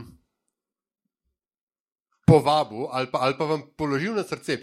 Tukaj imate štiri ljudi, ki dnevno živijo, dihajo, skrbijo za to, da je slovenski medijski prostor vsaj približno kredibilen. Ja, roke gor. Kaj? Roke gor, če ne, so vprašanja. Ja, reči, če, če vas kaj zanima, prosim, vprašajte jih zdaj, ker potem jih ja. ne bo več. Klele imamo roka. Ja. Uh, ja, zdaj, ja. Evo, treba pa naprej priti. Ja. Ja, če boste polkar na, na, ali pa sedeli, ampak ja, evo. Okay, lep pozdrav še z moje strani. Moje vprašanje se v bistvu navezuje na um, to, kar ste govorci že um, mogoče se malo dotaknili, pa vendarle bi vprašal in sicer ugotavljanje odgovornosti za širjenje dezinformacij. Zdaj, verjetno se, širjam, eh, se strinjamo, da so volitve pač situacija, kjer mora predvsem država in pa tudi državljani in mediji še posebej paziti, da na eni strani ne omeji pretirano svobode govora, na drugi strani pa zagotovi pravico do informiranosti na podlagi resničnih oziroma verodostojnih informacij, ker to pač predstavlja temelj za osveščeno odločitev voljivcev na volitvah pod predpostavko, da se poprečen voljivec informirano odloča. Zanima pa me, kakšno vlogo se vam zdi, da bi morale imeti te največje medijske hiše pri preprečevanju širjenja dezinformacij pred volitvami, ki naprimer zagotavljajo platforme, prostor v oddajah in tako naprej političnim kandidatom. Torej, a ne na te medijske hiše gledamo bolj kot na posrednika, ali mogoče kot moderatorja, mogoče soodgovornega za vsebino, naprimer političnega programa in verodostojnost. Najlepša hvala. Kdo bo začel? No, No, pa, pa, gremo, RTV Slovenija, ker imate zakonsko obvezo uh, vodenja, kam, uh, pač soočenja in tako dalje.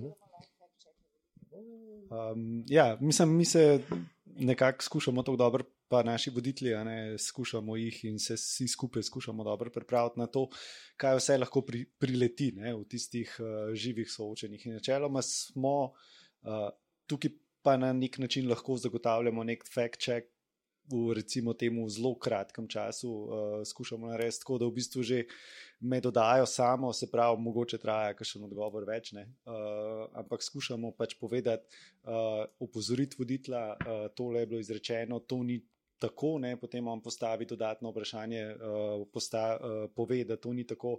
Če lahko on pojasni, o čem je dejansko govoril, ali je to bilo načrtno zavajanje, ali je pa samo lapsus, ali kaj podobnega. Ker, ko govorimo o evropskih volitvah, velikrat pride tudi do lapsusa. Zaradi tega, ker pač v Evropski uniji pa, pač poznamo recimo velik vrst. Uh, pomagalnih programov, ne recimo skladov za to, pa tisto, pa tretje, pa mehanizme in tako naprej, in hiter pač uh, človek zameša. Zdaj, če pa to načrtno, potem pa se zelo hiter pač tudi pokaže. Uh, je pa dejstvo, ja, da pač to je naša odgovornost, tisto, kar je izrečeno, vendarle je naša odgovornost.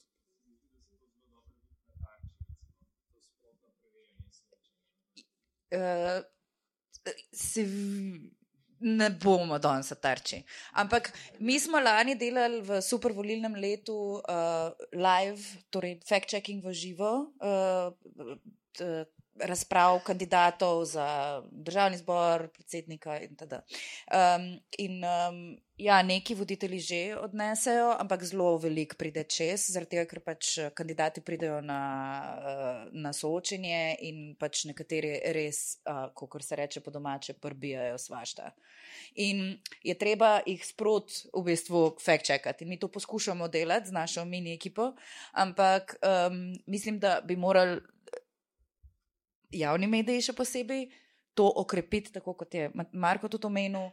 Mislim, da prostora je, um, vendar pa bo to zelo težko narediti do evropskih volitev, ki pa bojo, po mojem oceni, lani smo mi imeli največ dela med državno-zborskimi volitvami, kar zadeva fact-checking med uh, temi soočenji v živo. Ampak mislim, da bojo evropske letos bolj take kot uh, državno-zborske, se bojim. Ja. Pardon, naslednje leto je. Mislim, da tam imamo še eno vprašanje, pa mogoče, um, Gašpar, če bi te prosil, če v naslednjem sklopu uh, odgovoriš tam le. Lepo pozdravljeni, hvala za besedo. Jaz sem Slavko Valenčak, prihajam skozi Janskega. Uh, vete kaj, jaz kot uh, nepolitičen bi rad povedal uh, stvari, kakih jaz dojemam, ko to spremljam. Jaz opazujem, da se tukaj tudi kaže ena politična stran. Uh, uh, pa glede to, da te dezinformacije, to mogoče pomeni, da se bo uh, počasi prepovedala demokracija.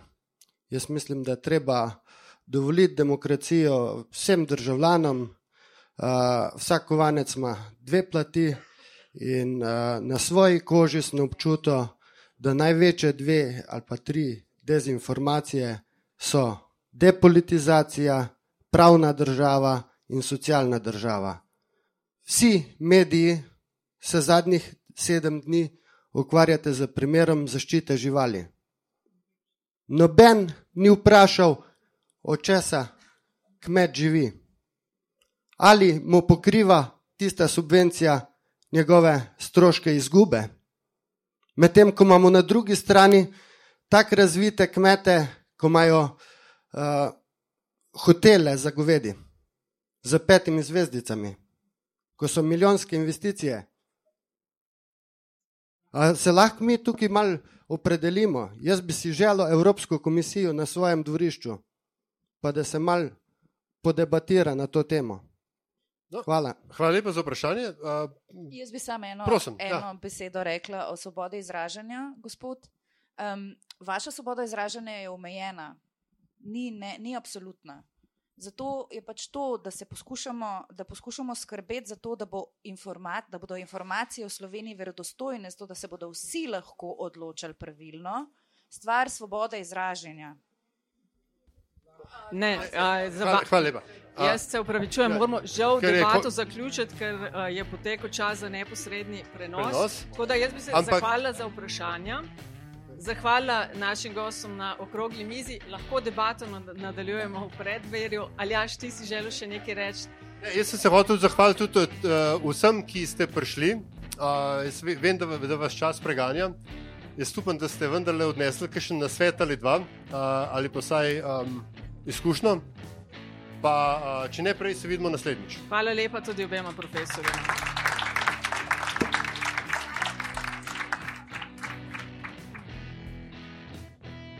To je bila Evropska četrt, 122. v podcast Vesoljum. Hvala za vašo pozornost, predlogi, mnenjam, zelo dobrodošli. Hvala pa tudi za pohvale in kritike, ki jih delite z nama, in res hvala za investicije, ki jih namenjate razvoju in produkciji naših vsebin. Avtor glasbene podlage je Peli iz podcasta Opravičujemo se za vse nevšečnosti.